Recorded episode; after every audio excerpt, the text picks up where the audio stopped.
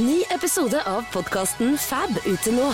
Er jeg den eneste som skrur ned vindusviskerne på bilen et hakk? Om jeg ser at ingen andre har på det samme nivået som meg? Jeg føler meg liksom litt pinglete om jeg har dem på for mye. At jeg blir litt kulere om de er på et hakk lavere. ja, man virker litt desp. Hør Fab med Jenny Skavlan, Ingrid Bergtun, Mari Nordén og Ingrid Vik Lysne. Gratis på podplay.no. Du hører på Siri og de gode hjelperne.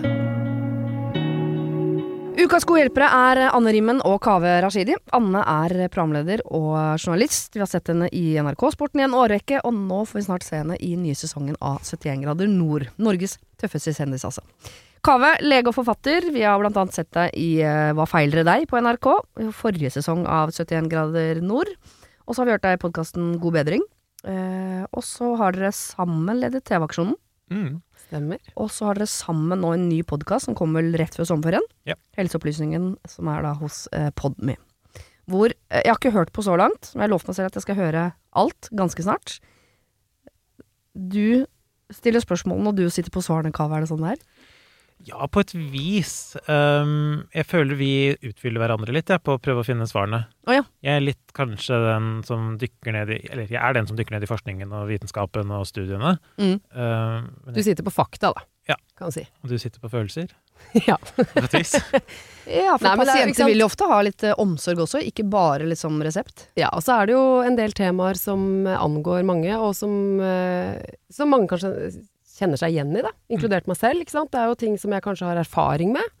Vi har snakka om fødsler, eksempel. Da eh, Hadde jeg ikke så mye å stille med. Nei, du hadde jo ikke det, tross alt. Selv om Nei. du har to barn. Og så er det litt sånn, du er litt mer den undrende journalisten, føler jeg. Ja. Mens jeg er litt mer eh, fagpersonen. Ja, dere er dere sjøl, med andre ord. Ja. Det er Godt å høre. Eh, da tenker jeg at dere skal være ganske gode på det vi gjør. For det er noe av det samme vi gjør her. Det er ikke Mm. så mye skriving av resept. Ikke så mye fakta, men veldig mye følelser. Mhm. Vi skal begynne ganske enkelt. Her er det bare å skru på kreativiteten. Og her er det en som skriver. Først, jeg elsker dere. Oi, Det er veldig koselig. så koselig, ja. Eh, så til oppgaven jeg trenger hjelp med. Min mann blir 30 år i høst, og jeg skal gi eh, han en fotballtur sammen med to av kompisene hans. Det er storkampen Manchester United mot Manchester City. Og jeg vet at han blir sjeleglad for den, spesielt siden vi har tre små barn som han da får noen dager fri fra. Det er jo kanskje den største gaven, hvis det er lov å si. Eh, har dere noen kreative forslag til hvordan jeg kan overlevere gaven uten å gi bare billettene i en boks? Turen er dyr, så helst ikke noe som koster for mye.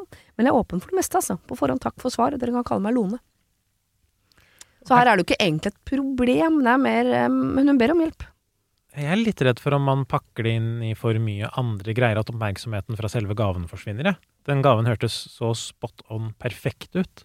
Ja. At jeg tenker litt sånn, hvorfor fjerne oppmerksomheten fra, fra det som allerede er helt perfekt? Man kunne nesten bare tatt en sløyfe rundt papiret, og ikke Ja. liksom pakka det inn i en boks engang. Eller man kan pakke det inn i mange, mange bokser.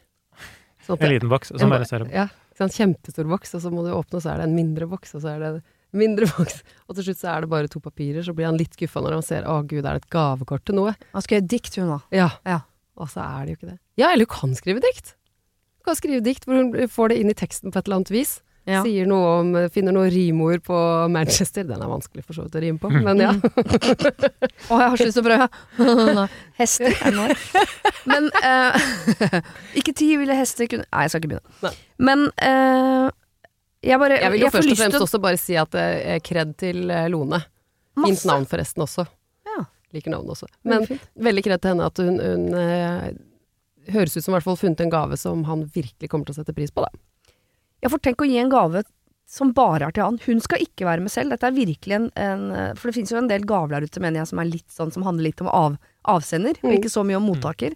Dette er veldig mottakergave. Til og med, jeg håper ikke hun spanderer på kompisen hans òg. Der er hun jo øh, Altså, da er hun jo en blanding av Gud og mor Therese. Mm. Eh, men er det sånn at hat, Vil han at den gaven skal eh, overrekkes på en gøy måte, eller er det liksom det hun har lyst til? Ja, si det. Det kan være at det er det hun har lyst til. Sånn, Jeg, altså, det er jo litt sånn som Kave sier, at den gaven i seg selv er så bra, Mm. eh, så kanskje ikke det trenger så voldsomt mye ståhei rundt den der overrekkelsen. Nei, for Det er litt den strategien jeg føler veldig fine ting man kjøper i butikken også har. At selve innpakningen, hvis, hvis varen er skikkelig bra, Mm. så er den så enkel. Du bare sklir den ut av en liten eske. Mm. Ingen farger, ikke noe dilldall. Der er den. Vet du hva jeg til og med Nå husker jeg Jeg mener at jeg har sett en sånn undersøkelse en gang hvor du ser? Du vet Noen ganger så har du tenkt deg på forhånd at du skal kjøpe en gave, Mm. og si at den gaven skal koste 300 kroner. da. Og så har du kjøpt en liten gave som koster 200, Mm. og så har du bestemt deg for at den skal koste 300, så du kjøper en ekstra ting. Ja. Sånn at du kommer opp på det tallet du hadde tenkt. Og da mener jeg å huske at jeg leste en undersøkelse som viser det at hvis du bare gir den gaven du egentlig hadde tenkt å gi, så setter mottaker større pris på den Ja. enn hvis den kommer med den der lille ekstratingen. Mm. For, Ja. Fordi at den ekstratingen nesten drar vekk magien lite grann. Mm. Jeg tror også det tar vekk oppmerksomheten fra det som betyr noe. Ja, Ja, Hvis gaven er av lille- så høy kvalitet, ja. at det er rett litt sånn samme 100 oppmerksomhet inn der. Og så sånn på vegne av alle menn, så tror jeg ikke vi egentlig byr oss så mye om innpakningen. Litt sånn Det samme gjelder eh, mange ting i livet. At sånn Detaljene er ikke så farlige. Og det er mer betydningsfullt hva det faktisk er, Mm. enn budskapet rundt, på en måte. Men kunne hun eh, Han er vel sikkert da enten City-fan eller United-fan, vil jeg Det håper jeg. tippe. Ja. eh, så kan det hende at han har masse eh, effekter allerede, men si at eh, hun f.eks. kjøper et skjerf, da. Mm. fra det laget han er support til, og så kunne hun rulla sammen skjerfet, og så ligger de billettene inni der. Altså, han tror han bare får et skjerf. Nettopp, fordi da er det jo en fysisk gave. For Mm. det er ofte sånn som jeg tenker, i hvert fall, at jeg syns det er gøyere å gi en gave man kan åpne, enn Mm. at man gir type et gavekort, eller at man bare gir penger, på en måte. Da. Mm. Men da kunne hun da gitt, ikke sant For det første så får han da et skjerf, Mm. eh, som han også kan bruke på denne kampen. Han får en gave han kan åpne, og så bretter han ut skjerfet, og så ser han at der ligger det billetter til kamp i tillegg. Å, herregud. Han er veldig Han er veldig heldig, la oss bare være enige om det. Jeg, bare- jeg syns jo sånne store rigger er veldig gøy. Mm. Uh, uh, men hvis det er bare Lone som syns det er gøy, og ikke han, så tenker jeg sånn, da er det ikke så viktig. Men samtidig, du gir verdens beste gave, så hvis du har lyst til å, gjøre- hvis du har lyst til å gjøre noe gøy som er gøy for deg i tillegg, så, så syns jeg hun faktisk fortjener det, da. Ja. Mm. For jeg syns det har vært gøy å ikke si det til han før han på en måte er på vei, at hun blir med opp på Gardermoen, hvis det er der de skal reise fra. Eh, pakka bag, og han tror at de to skal på sånn verdens kjedeligste sånn partur.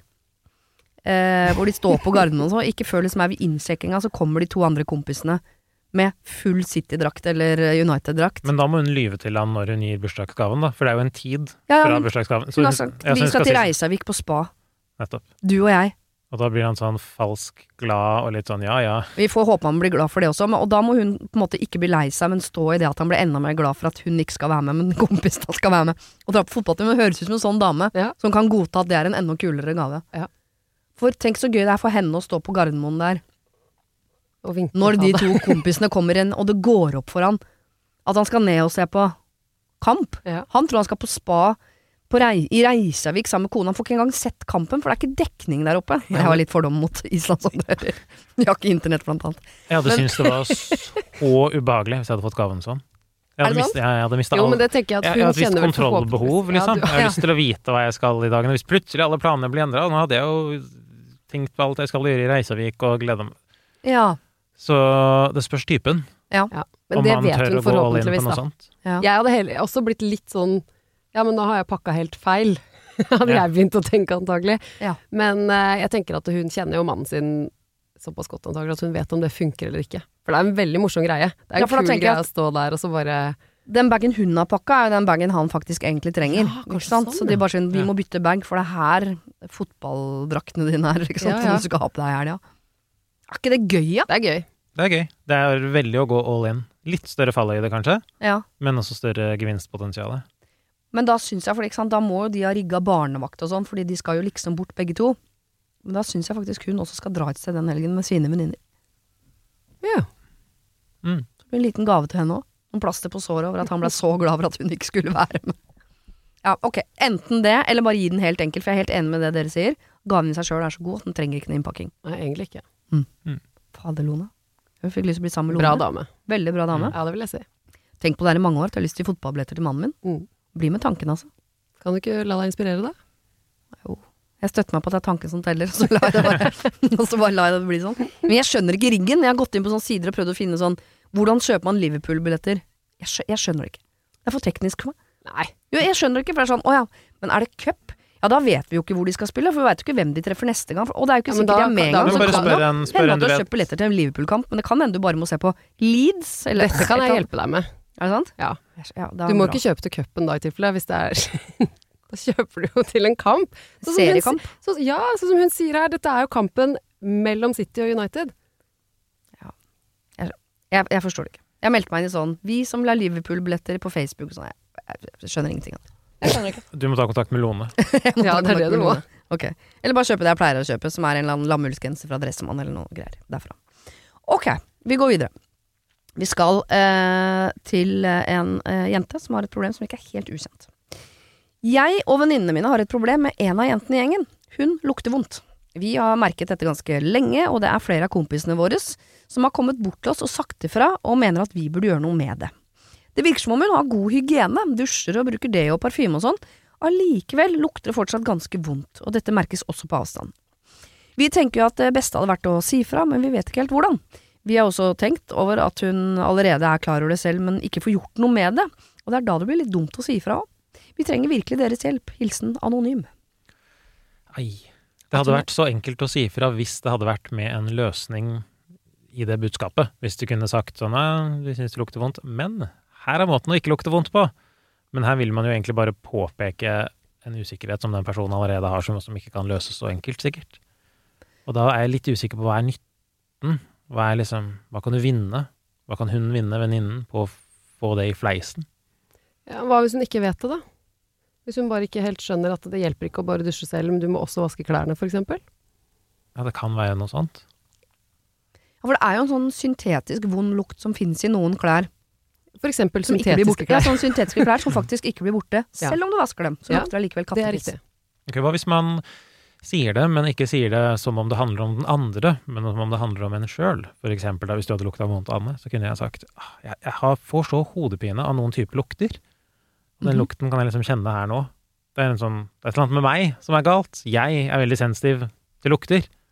Ja, men Ja. tror du det kommer Pakka mye bedre inn enn den der eh, eh, forferdelige skuespillerjobben min der, men eh, det, må jo gå an å på en måte ikke Men kan det være, altså du som er lege, kan det være noe eh, rent medisinsk som gjør at, eh, Masse. at ja, Ja, ja. som gjør at hun faktisk ikke får gjort noe med dette? Nei, hvis det er noe medisinsk, så er det mye man kan gjøre med det. Ja. Man kan ha sykdommer som gjør at man har illeluktende svette. Men det er jo også litt sånn du burde gå til legen, for vi syns du lukter så vondt. Høres ikke så veldig Nei, det er jeg enig i. Det er uff. Altså jeg får liksom vondt av både hun som lukter vondt og de venninnene, fordi det er kjipt på alle måter. Ja. Og så har man jo lyst til å hjelpe, for jeg tenker sånn, hvis det var meg, eh, så hadde jeg jo hatt lyst til at du skulle si noe.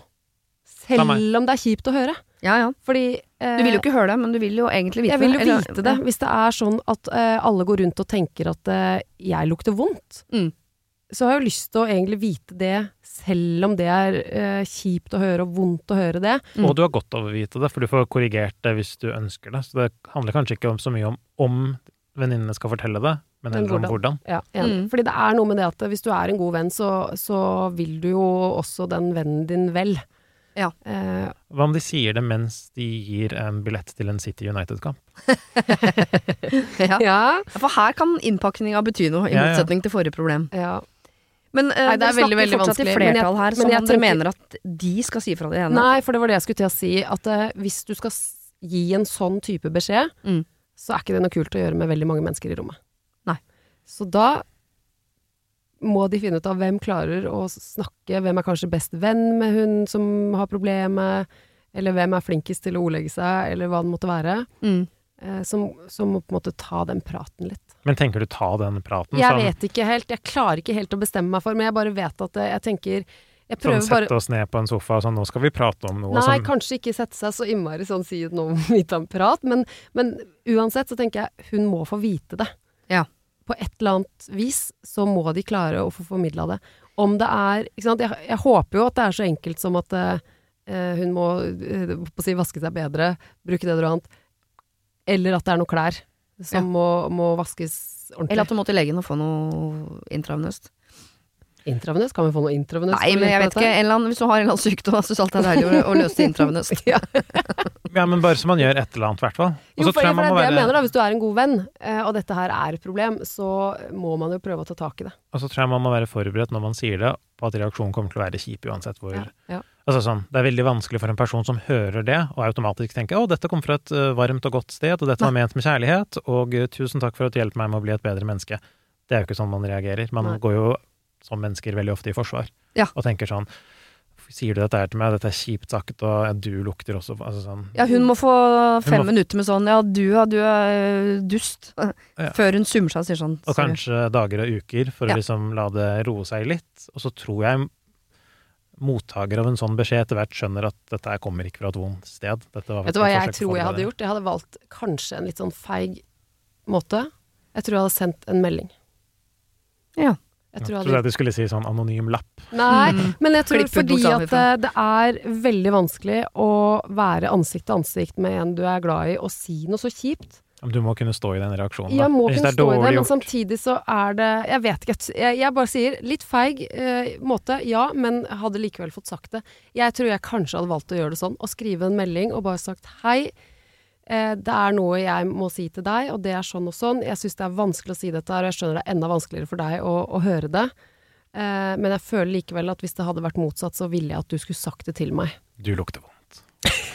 Ja, men ja, jeg tror kanskje jeg ville valgt å gjøre sånn. Og jeg er helt enig i at det er sikkert ikke den beste måten å gjøre det på.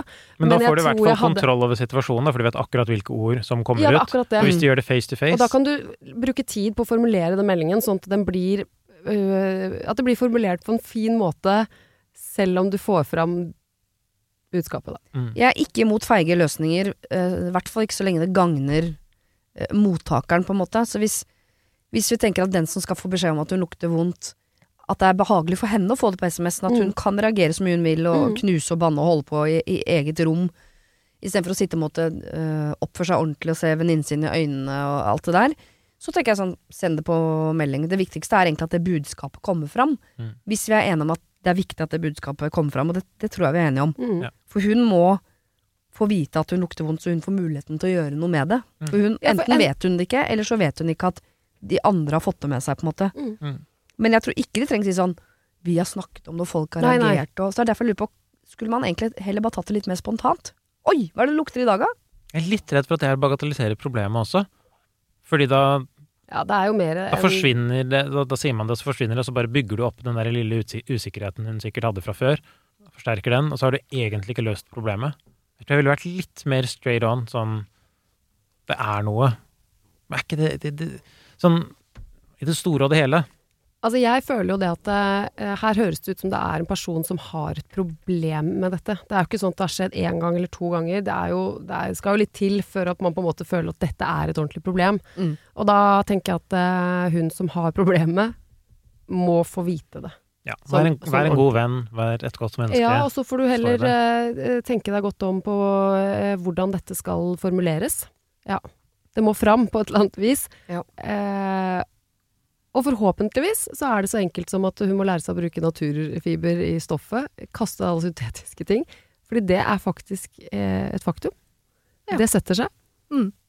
Um, og så bare husk på at det, du, må også, du må også vaske klær. Ikke bare kropp. eh, forhåpentligvis, da, så er det så enkelt som det. Dødelig, le- Eh, dødelig leversvikt gir også vond eh, kroppslukt, så kan det hende at hun bare har noen uker igjen å leve. Da er det greit å vite Ja, det med hvis en hun gang. har det, da tenker jeg da ikke ta opp det temaet, da. Nei. Nei. Ja, men det er greit å vite om man bare har noen uker igjen å leve òg, tenker jeg. Absolutt. Det er klart. Hvis Men jeg tenker så enkelt som nå, jeg, nå eh, ser jeg jo litt på kave da, for å vite liksom, svaret sånn medisinsk, men jeg tenker sånn i utgangspunktet, de aller fleste mennesker lukter ikke vondt hvis de vasker seg og, og steller seg og vasker klærne sine på normal måte.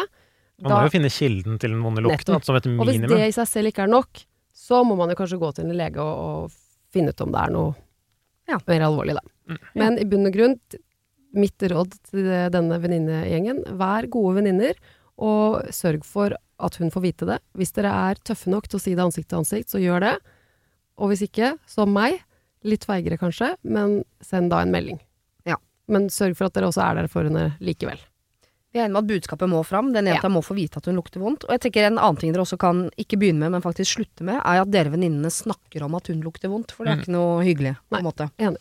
Så uh, slutt å snakke om det dere imellom. En av dere må være den flinkeste venninna, eller den beste venninna, som tar dette med henne på tomannshånd, Mm. enten på SMS eller face to face. Der har vi det. Og bare tenk sånn, hvis det er ubehagelig for deg, 100 ganger mer ubehagelig for den som mottar budskapet. Så ikke sitt så synd på deg sjøl. Mm. Denne uken har eh, Siri og De gode hjelperne et samarbeid med utstillingen The Mystery of Banksy, A Genius Mind. Den utstillingen kan du se på Økernsenteret i Oslo helt fram til 16. juni. Til eh, tross for at Banksy er verdens mest kjente gatekunstner, så er han samtidig også helt anonym. Det er ingen som vet hvem han er, og en av grunnene til det er at han er etterlyst for vandalisme. Kunsten hans er ikke på utstillingen, det er altså 200 reproduksjoner utført av andre gatekunstnere du kan se på Økernsenteret. Og siden han er så anonym og utilgjengelig, så er det også umulig å få en godkjenning av utstillingen av Banksy selv, men folka rundt Banksy, som kaller seg Pest Control, de gjør kontroller og sier ifra hvis det ikke er godkjent. Og det har de ikke gjort her, og utstillingen er derfor å anse som godkjent. Og jeg tenker at eh, Banksy høres ut som en litt sånn eh, kul fyr, selv om jeg vet jo ikke hvem han er. Jeg bare ser hva han skaper. Eh, og jeg merker at jeg liksom blir, jeg blir nysgjerrig på han. Jeg husker en tidligere sjef jeg hadde, fortalte meg at Siri, de som hører på deg på radio, de må enten ha lyst til å bli sammen med deg, eller så må de ha lyst til å være vennen din, eller i hvert fall gå på fest sammen med deg. Da lytter de. Eh, jeg vet ikke om jeg har så veldig lyst til å bli kjæreste med Banksy, vanskelig å si, men eh, det hadde definitivt vært veldig gøy å gå på fest med han eller ha han som venn, bare for å høre litt mer om eh, hva som bor inni det kunstneriske hodet hans. Kjøp billetter til utstillingen på mystery-banksy.no. Her kan du også lese mer om utstillingen. Bruk kodeordet Siri, velg tidsbestemte billetter på hjemmesiden, og få billetter til kun 250 kroner. Koden gjelder til og med 31. mars. Har du et problem og trenger hjelp, ja, så sender du det til meg. Da bruker du Siri, alfakrøll, radionorge.no. Her står det. Hei, hei, Siri og det gode hjelperne. Jeg og kjæresten har akkurat bestemt oss for å flytte sammen. Vi har vært kjærester i knappe åtte måneder. Jeg har allerede bodd ett år i leiligheten da jeg studerer, og han skal nå flytte inn da han jobber offshore og er uke, to uker på, fire uker av. Drømmekjæreste i min bok, det der faktisk. Allerede har jeg merket små ting som stresser meg. Vi betaler månedsleie 50-50, som vi også gjør på alt annet. Eh, meg som stude student merker hvordan eh, penger eh, blir eh, fordelt, at det tar litt innpå. Eh, er det fair av meg som lever på studielån, at jeg skal betale like mye som han, som tjener bedre enn flere voksne i måneden? Jeg har også blitt invitert på ferie med familien hans. La meg rette opp inkludert, som vil si at jeg må betale for en ferie med hans familie, som jeg egentlig ikke har råd til, fordi jeg syns det er flaut å si at penger er et problem, selv når jeg er student. Så spørsmålet blir, hva er riktig å gjøre her? Bør jeg innrømme at eh, jeg ikke kan være med på kino, dyre middager, ferier, da det rett og slett blir for dyrt? Eller er kjæresten min egoistisk da han mener at han skal spare penger? Hilsen forelsket student i 20-årene, dere kan kalle oss Kristin og Mats. Altså hun spør om mye her. Hun spør skal jeg dra på den ferien, skal jeg si ifra, skal jeg bli med noen av dem? Det hun spør om er egentlig er det rettferdig at vi som samboere deler alt 50-50 når han tjener masse, jeg tjener ingenting? Det er jo det hun lurer på. Jeg sy altså, det er litt vanskelig. Fordi jeg tenker jo at uh, dette må jo de snakke om. Ja. Uh, I mitt hode så er det veldig naturlig og vanlig at man deler eh, 50-50. Men så er det jo det at eh, det er veldig stor forskjell på inntekt her, da. Mm. Eh, hadde jeg vært henne, så tror jeg jeg hadde snakka med han om det, og bare sagt liksom sånn Ja, den turen med familien din, jeg har kjempelyst til å være med, vet du hva, jeg, har ikke, jeg kan ikke ta meg råd til det. Nei. Som du vet, så lever jeg på studielån. Eh, det dekker eh, akkurat det det trenger å dekke, men jeg har ikke mulighet til å være med på den turen, dessverre. Man Nei. skulle jo ønske at han hadde tatt det opp, da. Absolutt. Det hadde vært veldig mye deiligere hvis han hadde vært sånn Du, nå bor vi sammen, og jeg ser jo at jeg tjener åtte ganger så mye som deg. mm. Um, hvordan er det for deg? Men eh, kanskje ikke hun skal bare vente og vente og vente på at det skal skje, for det virker ikke som om det kommer til å skje. Nei, i og med at Ja, hun nå skriver- Ja, i og med at hun nå skriver om dette her som et problem, så tenker jeg at eh, vi gidder ikke å sitte og vente på han, da. Da må han Forhåpentligvis så gjør han jo det, det hadde vært fint. Men det er jo hun som ser problemet her. Han ser jo ikke det problemet, antagelig. Nei, hun burde i hvert fall ikke føle seg presset til å gjøre ting hun ikke har råd til. Den ferien virker jo helt krise. Ja. Så når du har kommet så langt at du føler deg presset til at du må være med på ting du egentlig ikke har råd til, da Det kan hende hun har lyst til å dra på den ferien, bare at hun ikke har penger til det. At hun ferien Ja, ja, isolert altså, sett på en måte er hyggelig. Ja. altså, eh, kanskje den ferien er en god unnskyldning til å ta opp nettopp dette. Ja. Fordi én ting er jo husleie og, og hverdagslige ting, eh, som kanskje er vanskeligere å snakke om. Men Mm. akkurat den ferien kan, jo, kan hun jo da bruke som en unnskyldning for å ta opp temaet at økonomi er litt vanskelig. Mm. Jeg har mye mindre å rutte med enn det du har. Og da går det an å si Vet du hva, vi må snakke litt om den ferien. Skulle gjerne vært med, men eh, akkurat sånn som ting er nå, så har ikke jeg mulighet til å gjøre det. For jeg ser ikke Jeg har ikke penger til det, rett og slett. Nei. Tror du ikke det kan føles litt sånn um, At det kan føles litt sånn det ser Nesten litt sånn tiggete ut for en Jo, person som sånn- sier det? At det blir sånn at det er en undertekst der som hun ikke egentlig mener å ha, av Kan ikke du spandere på meg, vær så snill? Og det, det er ikke noe man har lyst til å gjøre. Man har ikke liksom lyst til å være underdanig partneren sin. Nei, Jeg syns det er flaut å si at penger er et problem. Ja, jeg skjønner det. Mm. Men samtidig så tenker jeg sånn eh, Du kan jo ikke blakke deg fullstendig eh, bare fordi du syns det er flaut.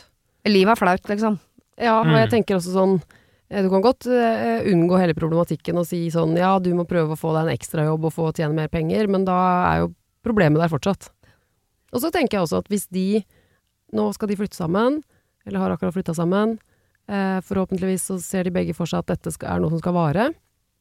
Hun er student, ergo kommer hun på et eller annet tidspunkt til å få en jobb. Så det er jo liksom noe med å på en måte tenke liksom sånn ok, nå er vi i en fase i livet vårt hvor eh, du tjener mye mer enn meg.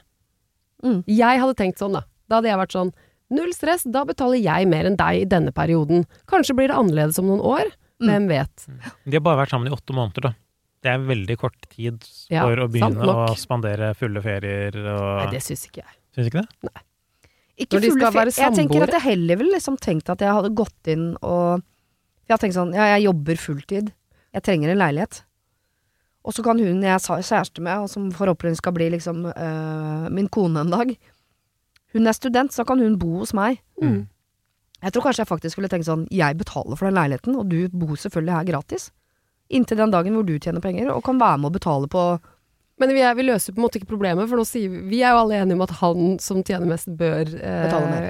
Ja. Ja. Jeg. altså, ta i et tak her. Mm. Men hvis ikke han tar initiativ til det selv, så må hun fortsatt ta opp temaet. Ja, men jeg bare lurer på sånn, kunne det være, i og med at han er en fyr, det høres ut som han har ting på stell, fått seg jobb på, i offshore og altså, ja. Mm. Så kanskje det er liksom tall og skjemaer som er veien til han, at hun ikke skal Jeg syns jo ofte man skal liksom ta med følelsene sine inn i den, og det er vanskelig for meg å bla til bladet, men kanskje du skal bare vise han helt sånn konkret sånn Dette er studielånet mitt. Når Mm. jeg har betalt Og så bare sette opp i en sånn Excel-skjema og bare vise han dette er det jeg har igjen på slutten av måneden. Det vil si at jeg kan gjøre sånn, sånn, sånn. Jeg kan ikke dra på ferie, for eksempel. Mm. Ja, At han må se det. Ja. det er en sånn greie man sier om at menn liker at kvinner får dem til å føle seg smarte. Så hun Ja. kunne ha vært sånn Jeg trenger økonomisk råd. Jeg trenger litt sånn tips til hvordan jeg skal sette opp dette budsjettet her. Se på det budsjettet her. Ja. Det går i minus 10 000 en måned når vi skal i ferie. Hvordan skal jeg løse dette problemet her? Mm. Synes du, Ja. smarte mann? Så Og så sier han sånn, kanskje jeg må betale litt mer. Åh, det ser nesten ukomfortabel og, og Ja. så ender det med det som løsning. Spille et lite spill Ja. for, å, for å få tatt det opp på en måte som ikke får han til å virke klein og kjip. For hvis hun tar det opp sånn Jeg syns ikke du liksom tar hensyn til meg, eller økonomien min, Mm. så blir det liksom clinch. Da blir det rett i konflikt. ja. Det er ikke det hun mener. Hun mener jo bare at hun er i en vanskelig situasjon selv. Ja. Ikke at det er noe gærent med ham. Og de må jo ha snakket litt om det allerede, fordi de har jo på et eller annet tidspunkt kommet fram til 50-50 i månedsleie idet han flytta inn.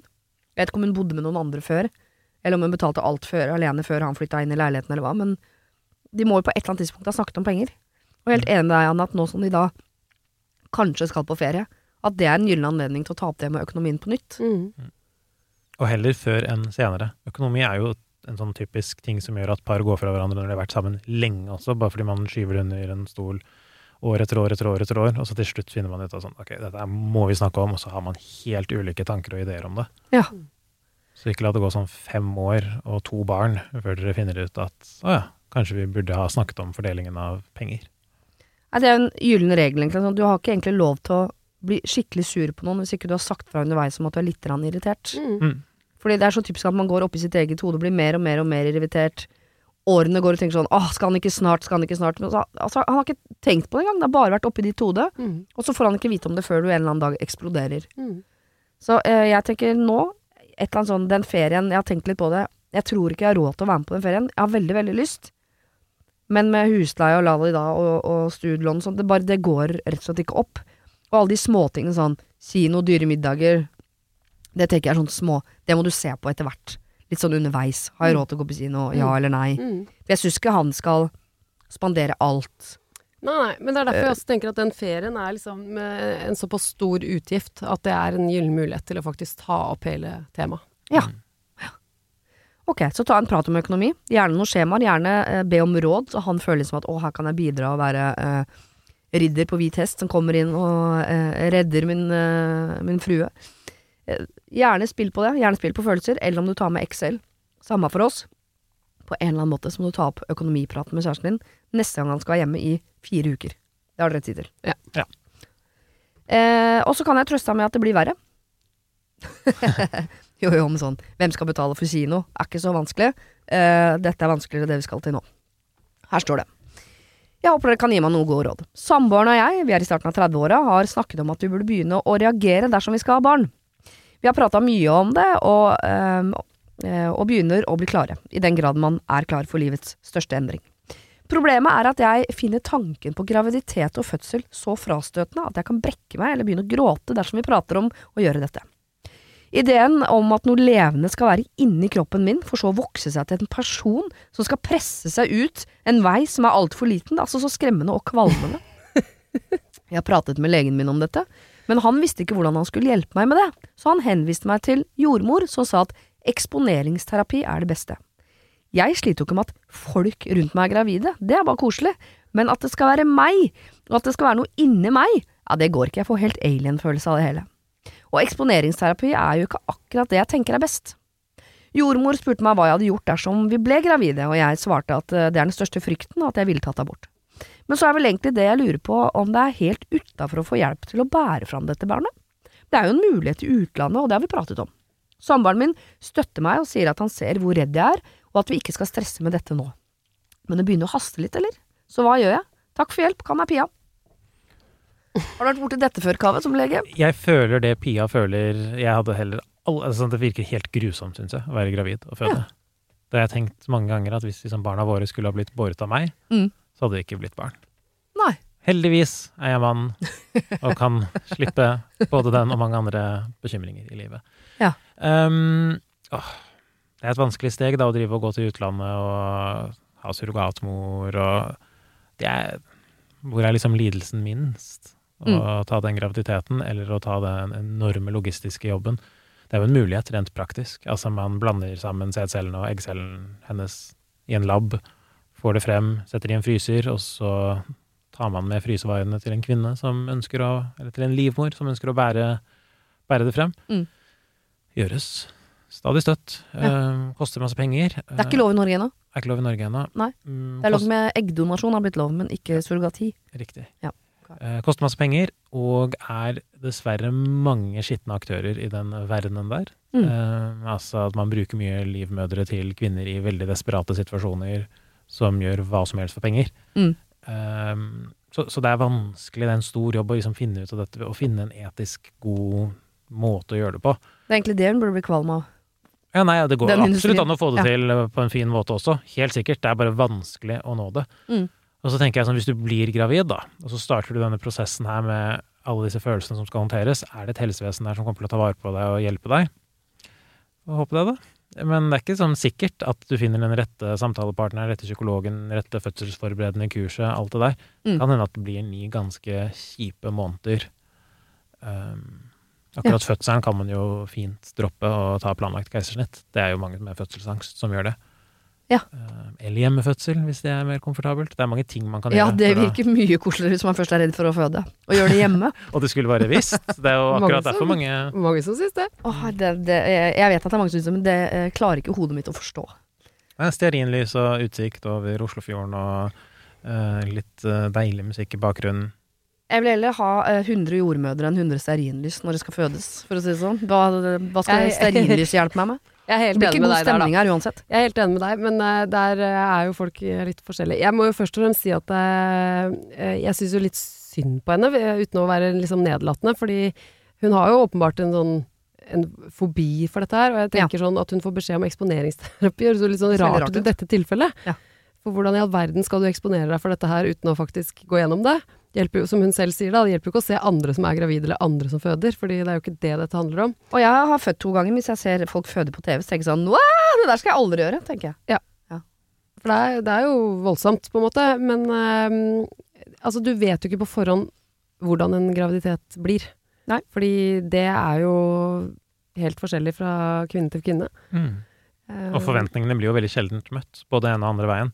Mm. Man kan forvente en grusom graviditet, og så blir det kjempebra. Og man kan forvente en fantastisk tid hvor man knytter bånd til dette lille ting, mennesket inni seg, og så bare hater man tilværelsen. Mm.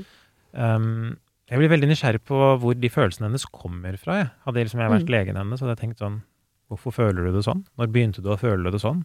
Har du noen på en måte, ideer, tanker, erfaringer med fødsler? For det høres ikke ut som hun bare liksom har en edderkopp forbi. Det føles som det er noe, det er noe litt større bak det. Mm. Um, kanskje man kunne klart å liksom nøste litt opp i hva er dette et ut, uttrykk for? Hvor kommer disse følelsene fra?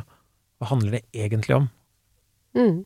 Kanskje er det noe Kanskje hun egentlig trenger å, å, å finne en eller annen form for terapi. Ja. Begynne der. Noen Noen å snakke med, noen å, å Fordi Og det er ikke sikkert det må være en lege eller en jordmor, men rett og slett en å prate med som kan finne ut av det du snakker om, Kaveh. Hvor er det dette Hvor kommer, kommer fra? fra? Mm. Med mindre hun er en sånn en som er redd for tannlege Altså absolutt alt da som handler om Mm. eh, helse. Jeg tenker det er, det er sånn fort gjort du kan finne nok av, av damer, eh, meg selv inkludert, som ville sagt sånn Det er ikke noe å være redd for, det er kjempefint, og Ja. eh, du har alle de månedene på å venne deg til både at det vokser og at denne fødselen kommer. Fordi jeg tenker at det mest sannsynlig ikke hjelper henne. Eh, hvis hun er såpass redd for hele opplegget, da. Og så er det selvfølgelig også en mulighet til å adoptere. Mm. Da slipper du hele både graviditet og fødsel, men kan samtidig bli foreldre, da. Mm. Mm.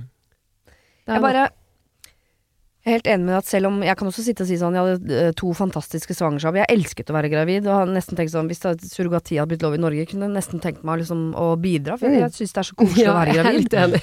Ehm, eh,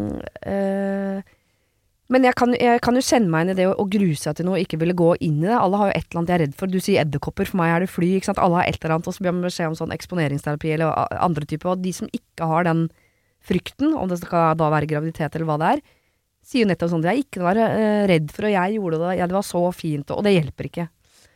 Uh, men jeg skulle bare ønske at man kanskje var flinkere til å gjøre ting man var redd for. I hvert fall hvis det er ting, og da mener jeg ikke sånn hoppe i strikk og sånn, for det er ingen som trenger at du driver med. Men hvis du har lyst til å være gravid, men du er redd, så skulle jeg ønske man gjorde det allikevel. Det er i hvert fall den tanken jeg prøver å ta med meg inn i situasjoner som jeg ikke vil inn i, da, som for eksempel er å være om bord i et fly.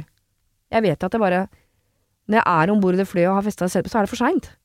Mm. Det er ikke noe exit, og det, ja, ok, det kan bli jævlig, og det kan bli fint, det vet jeg ikke. uh, men jeg gir fra meg eh, min egen makt her, samme som jeg har vært på sykehus noen ganger og gjort ting som jeg eh, gruer meg til. Jeg skal inn i narkose og, og, og operere og sånne type ting. Da gruer jeg meg jo, men jeg vet at i det øyeblikket narkosen liksom treffer, og jeg er borte, så er jeg Makten er borte. Jeg kan ikke gjøre noe mer. Jeg syns bare Jeg finner trøst i å være maktesløs, da. Mm. Så det kan godt hende at hvis hun først blir gravid, at hun bare liksom holder ut til hun er maktesløs i den graviditeten. Det jeg Så bare er det tenker point of no return. er at det, det er veldig kjipt hvis det ikke skjer, da. Hvis hun blir gravid og tenker Ja. at dette kommer til å ordne seg, og så kanskje bare eskalerer hele problematikken, da tenker jeg at det er en ganske kjip situasjon, fordi eh, ja, det er en vei ut av det, Mm. men det er en ganske heavy greie det òg. Så jeg tenker liksom kanskje å prøve å ta litt tak i problemet før hun eventuelt skulle prøve å bli gravid, da. Helt enig i at hun skal jobbe med det før, Jeg- men jeg å hun trenger ikke å tørre å bli gravid før hun ikke liksom har noe motforestillinger mot det å være gravid eller få barn. Tenker at på et eller annet tidspunkt så er det noe med å bare gjøre ting man er redd for. Ja, jeg skjønner jo, altså sånn, Det hun selv også skriver der, med liksom at du uh, burde vi snart begynne-aktig. Mm. Eh, jeg tror det er mange som er sånn Noen er veldig sånn ja, jeg er kjempeklar, eller noen er sier alltid ønska meg barn. Men så er det også noen som er sånn jeg tror aldri jeg kommer til et punkt hvor jeg er klar-klar. Mm. Eh, jeg var litt der selv. At jeg var litt sånn Jeg vet at jeg har lyst på barn en gang, Mm. men jeg vet ikke helt om jeg er klar nå. Uh, og så skjønte jeg at jeg vet ikke om jeg noen gang kommer til å sitte og si 'jeg er kjempeklar'. Nei, det er jo ikke Eh. sånn at man plutselig befinner seg på et sted i livet og er sånn Å, jeg har 24 timer i døgnet til rådighet, jeg.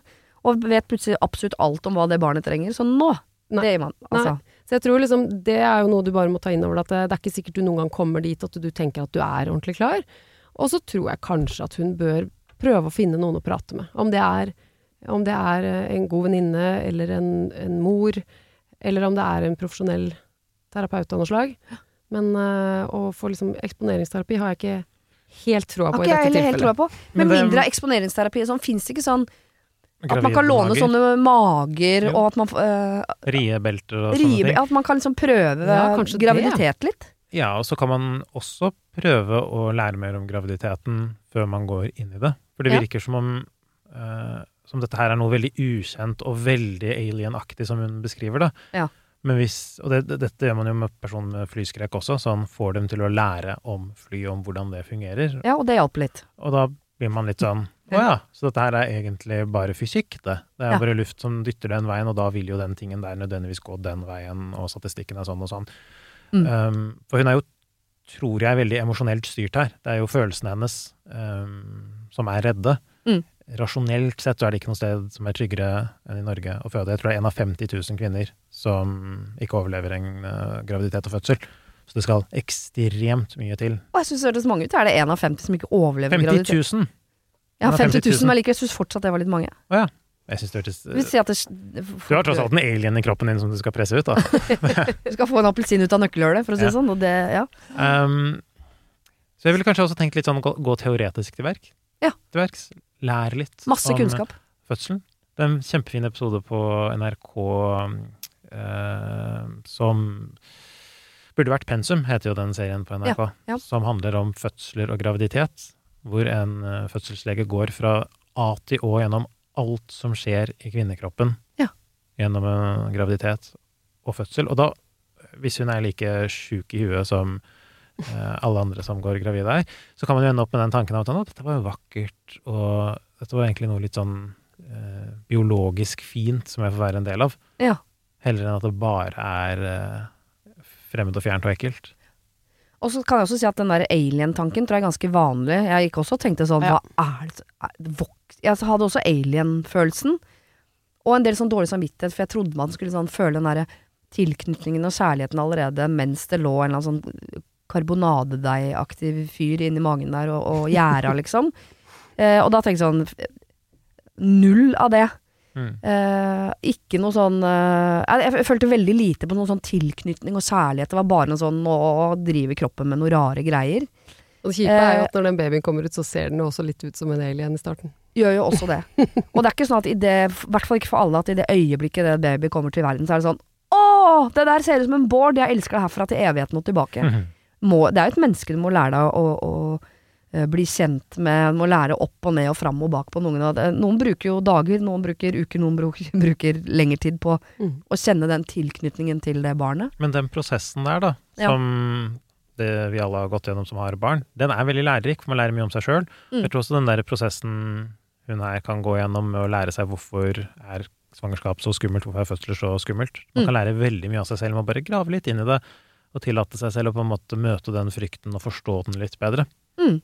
Da tror jeg det blir litt sånn at det hele blir litt desarmert, at liksom alarmnivået ditt går litt ned når Ja. du faktisk tør å møte det, møte tankene dine, møte følelsene dine. Heller enn å være så veldig polarisert og sånn Jeg skal ikke ha barn i det hele tatt, eller så skal jeg bite tennene sammen og komme gjennom det. Så eh, snakk med eh, noen som kan hjelpe deg å finne ut av hvor kommer denne frykten fra. Mm. Eh, dropp eksponeringsterapi, men det eh, går jo an å gjøre masse research. Lær deg masse om hva den prosessen faktisk egentlig er. Eh, og så kan du booke et keisersnitt. Eh, det vet jeg går an, så du slipper å grue deg til den delen av det, i hvert fall. Eh, og så håper jeg du på et eller annet tidspunkt tenker sånn Ok, jeg føler meg ikke 100% klar. Det er ikke sånn at jeg er 100 uredd, men jeg gjør det. Mm. Og surrogati og eh, adopsjon er eh, litt tidkrevende, men mulige muligheter. Ja. Og hvis det blir mulig her i Norge, så ring meg, skal vi se om jeg kan gjøre en liten avtale. på det greiene der. Jeg har fortsatt masse store kjoler hengende i skapet. Ikke noe problem. Ok, eh, nå skal vi til en dame som har sittet i fengsel. Denne uken har eh, Siri og De gode hjelperne et samarbeid med utstillingen The Mystery of Banksy, A Genius Mind. Den utstillingen kan du se på Økernsenteret i Oslo helt fram til 16. juni. Til eh, tross for at Banksy er verdens mest kjente gatekunstner, så er han samtidig også helt anonym. Det er ingen som vet hvem han er, og en av grunnene til det er at han er etterlyst for vandalisme. Kunsten hans er ikke på utstillingen. Det er altså 200 reproduksjoner utført av andre gatekunstnere du kan se på Økern-senteret. Og siden han er så anonym og utilgjengelig, så er det også umulig å få en godkjenning av utstillingen av Banksy selv, men folka rundt Banksy, som kaller seg Pest Control, de gjør kontroller og sier ifra hvis det ikke er godkjent. Og det har de ikke gjort her, og utstillingen er derfor å anse som godkjent. Og jeg tenker at uh, Banksy høres ut som en litt sånn uh, kul fyr, selv om jeg vet jo ikke hvem han er, jeg bare ser hva han skaper. Uh, og jeg merker at jeg liksom blir, jeg blir nysgjerrig på han. Jeg husker en uh, tidligere sjef jeg hadde, uh, fortalte meg at Siri, uh, de som hører på deg på radio, de må enten ha lyst til å bli sammen med deg, eller så må de ha lyst til å være vennen din, eller i hvert fall gå på fest sammen med deg. Da lytter de. jeg vet ikke om jeg har så veldig lyst til å bli kjæreste med Banksy, vanskelig å si, men det hadde definitivt vært veldig gøy å gå på fest med han eller ha han som venn, bare for å høre litt mer om hva som bor inni det kunstneriske hodet hans. Kjøp billetter til utstillingen på mystery-banksy.no. Her kan du også lese mer om utstillingen. Bruk kodeordet Siri, velg tidsbestemte billetter på hjemmesiden, og få billetter til kun 250 kroner. Koden gjelder til og med 31. mars. Har du et problem og trenger hjelp, ja, så sender du det til meg. Da bruker du Siri, alfakrøll, radionorge.no. Jeg er en voksen dame som sitter med et dilemma. Jeg har sittet i fengsel. Det var en mann som trakasserte og skremte meg i ett og et halvt år, og til slutt, ja, så ga jeg en juling. Man kan smile og le av kvinnfolk med stekepanner og kjevle som er sinna på mannfolk, men denne hendelsen ga enorme konsekvenser i ettertid. Byen jeg bodde i har over 100 000 innbyggere, eh, men jeg flyttet over fjellet for å få luft og for å starte på nytt. Altså etter hun har vært i fengsel, så har hun da valgt å flytte. Folk på dette nye stedet lurer jo veldig på hvem jeg er, og eh, jeg har egentlig behov for å være åpen jeg, og fortelle hvem jeg er, hva jeg har gjort. Men så sliter jeg med å stole på folk. Og så har hun en lang greie hun takker samfunnet for. Før kunne man ikke være åpen om noen ting, det kan man nå, videre. Føler meg inneklemt fordi jeg går og skjuler hvem jeg er. Kanskje noe av det samme som å være i skapet og ikke kan kunne være åpen. Hva ville dere gjort? Byen jeg bor i nå er liten. Jeg er med i et kulturlag hvor vi koser oss med felles interesser, men jeg føler ikke at jeg kan åpne meg for noen. Jeg forsøker å skape nære vennskap med noen, men øh, sannsynligheten er stor for at min betroelse til slutt lekker ut. Men det er vondt å bære på denne hemmeligheten, for egentlig har jeg jo behov for støtte og forståelse, at folk liker meg for den jeg er uansett. Jeg eh, mistet familien min allerede som tenåring, så jeg har et svært lite nettverk. Hjelp! Kall meg hva dere vil. Jeg kaller henne Bodil. Det hørtes veldig ensomt ut, Ja. syns jeg. Ja. Det hørtes ensomt ut å stå der i dette her uten å ha noen man kan dele det med og støtte det med. Og hvis hun av natur også er en litt ensom type, ikke har hatt så mye nære relasjoner i livet, mistet familien sin, og så står hun i voksenlivet med noe stort som, som hun må bære på helt alene, det høres skikkelig ensomt ut. Ja. Og hva kan være liksom veien ut av den ensomheten? Tenker du at dette er noe hun Må hun fortelle dette til, til de hun har begynt å bli kjent med, i hvert fall på dette nye stedet? Ja, Det er sånn umiddelbart, tenker jeg, at man kanskje burde finne ut av hva er det som blir bedre hvis jeg forteller om dette. Og liksom lage en liste. Dette og dette og dette tror jeg blir bedre. Og hva er det som blir verre hvis jeg forteller om dette. Mm. Um, og magefølelsen min her sier jo at bedre-listen kommer til å være mye lengre enn verre-listen. Ja. Jeg ser for meg at verre-listen er ganske kort, ja. At det står i et ubehag der og da. Eh, håndtere et par kjipe reaksjoner fra kjipe folk som du egentlig ikke bryr deg om på sikt uansett. Mm. Og så er det borte, de negative tingene, på en liten etter en liten stund. Ja. Sånn tenker jeg, men det er kanskje litt sånn eh, vel rasjonelt og kaldt ståsted å tenke, tenke det. Jeg tenker også at det høres ut som en god løsning. Ja, altså jeg tenker jo ut ifra hva hun forteller her, så høres det ut som hun har behov Mm. for å fortelle om dette, for å snakke om det. Eh, og så har hun flytta til et lite sted. Eh, det betyr jo ikke at hun trenger å dele det med alle. Men Nei, hun trenger ikke det, men noen deler det med alle på et eller annet Det er jo på en måte straffa for å bo på et lite sted. Det kan du si. Ja. Men jeg tenker at det, hun eh, virker som om hun har behov for å liksom bearbeide dette her, for å snakke om det, for å fortelle om det. Mm. Eh, og hvis det er eh, Altså, ja, snakk, snakk med de du da har blitt kjent med på dette nye stedet. Ja. Eh, og så får Det virker jo ikke som om at hun på en måte skammer seg over det, eller har noe behov for å legge noe skjul på dette her som har skjedd. Så om de forteller det videre, så får det bare skje, da.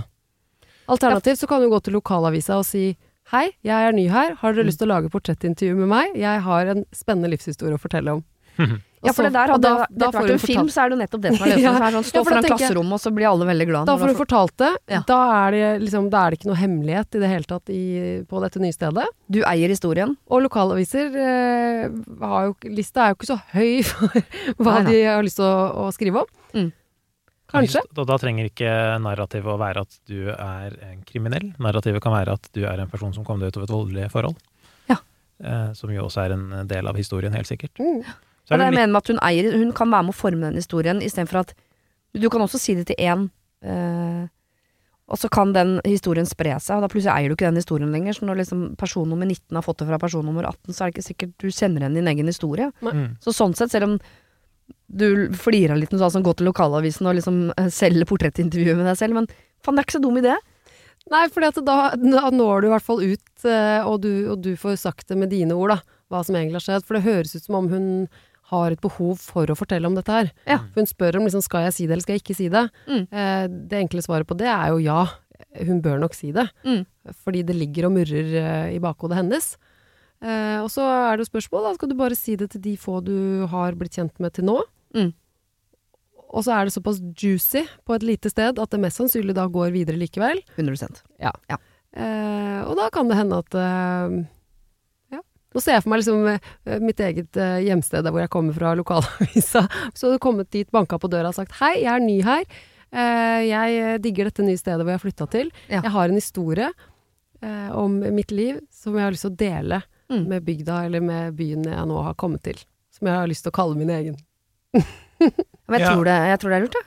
ja, så tror jeg at vi mennesker i Eller jeg vet at vi mennesker er eh, flokkdyr. Vi har et behov for å ha en gjeng som vi på en måte anerkjenner som vår egen, som vi har tilhørighet til.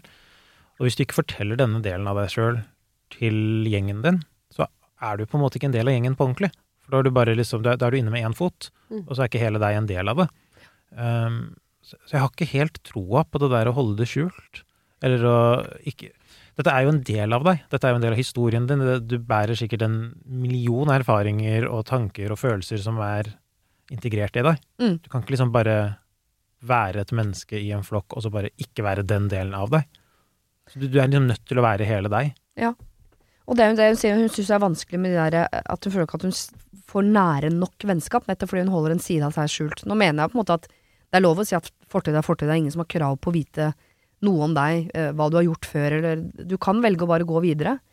Eh, Så jeg mener ikke at du skal gjøre dette fordi folk bør få historien din, men hun har jo et behov for å være åpen, og hun har et behov egentlig for å dele sin historie. Så av hensyn til seg selv, så mener jeg at hun helt klart må fortelle den historien. Og for å unngå den der frykten om kan jeg stole på folk, sånn, for det kan du aldri helt. Noen kommer til å fortelle uansett om du ber dem om ikke, osv. Mm. Og slippe å gå rundt på et lite sted. Jeg tror jeg ville vært veldig sånn usikker hvis jeg bodde på et lite sted, hvis jeg ikke visste hvem som visste. Ikke sant? Men hvis jeg hadde kunnet gå på Kiwi på det lille stedet og, og være nesten helt sikker på at alle vet, så er det faktisk mindre skummelt enn å gå på Kiwi og tenke vet hun eller ikke ha, Mm. Hvem vet, vet ikke du, og hvorfor, han hvorfor så du rart på meg nå? Er det Mm. fordi du vet, eller fordi Ikke sant? Mm. Mye deilig bare å vite sånn alle her inne vet. Mm. Så de Mm. som er hyggelige mot meg nå, de er hyggelige mot meg nå, men de vet. Altså sånn Ja. Jeg, jeg bare tror det blir mye Jeg tror det blir lett. Det blir noen da- slitsomme døgn, og så blir det lettere på andre sida. Og da må hun eie den fortellingen av historien selv, og ikke si det til en som sier det til en som sier det til en. Ah. Men om det er lokalavisa, det syns jeg hørtes litt uh, meget ut. Um, Facebook er jo den mest lokale avisa du får, Nettopp. uh, på en måte. hvor du bare da, da får du bestemt historien sånn du vil at den skal bli lest, Mm. um, og da liksom står du inne for det. Da veit alle at dette her er en ting alle veit om meg. Da kan du også legge til de tingene du er redd for. Du kan skrive det Facebook-innlegget at sånn Og jeg håper ikke folk driver og går rundt og prater om meg, men bare prat med meg. Det er ikke liksom verdens ende. Jeg har blitt rå til å gjøre dette og dette i fengselet, så bare be om hjelp hvis dere trenger. PS, ikke kødd med meg. Men eh, Og så tror jeg Jeg syns liksom jeg har sett så mange eksempler på sånn også hvor hvis man på et lite sted, eller generelt uansett hvor man bor, har muligheten til å snakke om noen som har en juicy historie som ikke de har fortalt, så legger man jo på sine liksom, tanker rundt det, og da, da kan det fort bli litt sånn drittslenging. Mm. Mm. Men når det mennesket står fram med sin historie og forteller fra sitt ståsted, så, så er det en tendens til at alle elsker at du sto fram med det. Jeg syns jeg støtter støtt stadig på Facebook, for eksempel, Ja, ja. leser hvor folk står fram med sin vanskelige historie, og da blir det jo alltid på en måte nærmest hyllet på Facebook for at du står for, eh, fram med historien din. Mm. Så jeg tror hun vil bli overrasket over hvor mye kjærlighet hun kommer til å få hvis hun står fram med sin egen historie, Mm. versus at hun gir folket, eller gossip-folket, en anledning til å snakke om dette sånn i, i busker og kratt, Mm. uten at hun har kontroll på det. Mm. Det er jo tøft egentlig, da. Flytte Ja. til et mindre sted. De Ja. fleste gjør jo egentlig motsatt. Når de har noe som er litt sånn skummelt og sånt noe, fordi man tenker ofte at på større i større byer så er det flere folk og, og flere meninger, og kanskje lettere å blende inn. Mm. Eller Lettere å gjemme seg. Ja, Mm. eller finne sin type folk, Mm. alt ettersom. Så det er veldig modig da, å, å flytte fra et større sted til et mindre sted, når du er i en situasjon hvor du er litt sårbar og syns at ting er litt vanskelig. Mm. Mm. Jeg heier på Bodil, som du nå uh, heter. At du skal på en eller annen måte, om det er lokale, det kan ikke vi styre, men på en eller annen måte skal du stå fram med historien din. Forme den sånn som du vil fortelle den, og prøve å nå så mange som mulig samtidig som mulig. Ble det riktig? Ja. så mange som mulig samtidig som mulig. Ah, ok. Da, eh, da er vi gjennom alle fem problemene. Ja, Ja, vi har vært i fengsel, og vi har vært på oljeplattform, og nesten på fotballkamp òg. nesten på fotball, og vi har vært eh, på ufo. Har vi vært en ufo. Ja, vi har snakket om aliens. Mm. Ja, sånn, vært, ja, så jeg har vært i verdensrommet på mange måter. det har vært en, eh, en geografisk spennende eh, sending. Tusen takk. Jeg gleder meg til å høre helseopplysningen. Så hyggelig. Ja. Eh, og så håper jeg ser deg nå. Det gjør vi, vet du. Ha det! Ha det! Det var det. Husk å sende problem til siri.radionorge.no om du vil ha hjelp. Denne podkasten er produsert av Klynge for Podplay.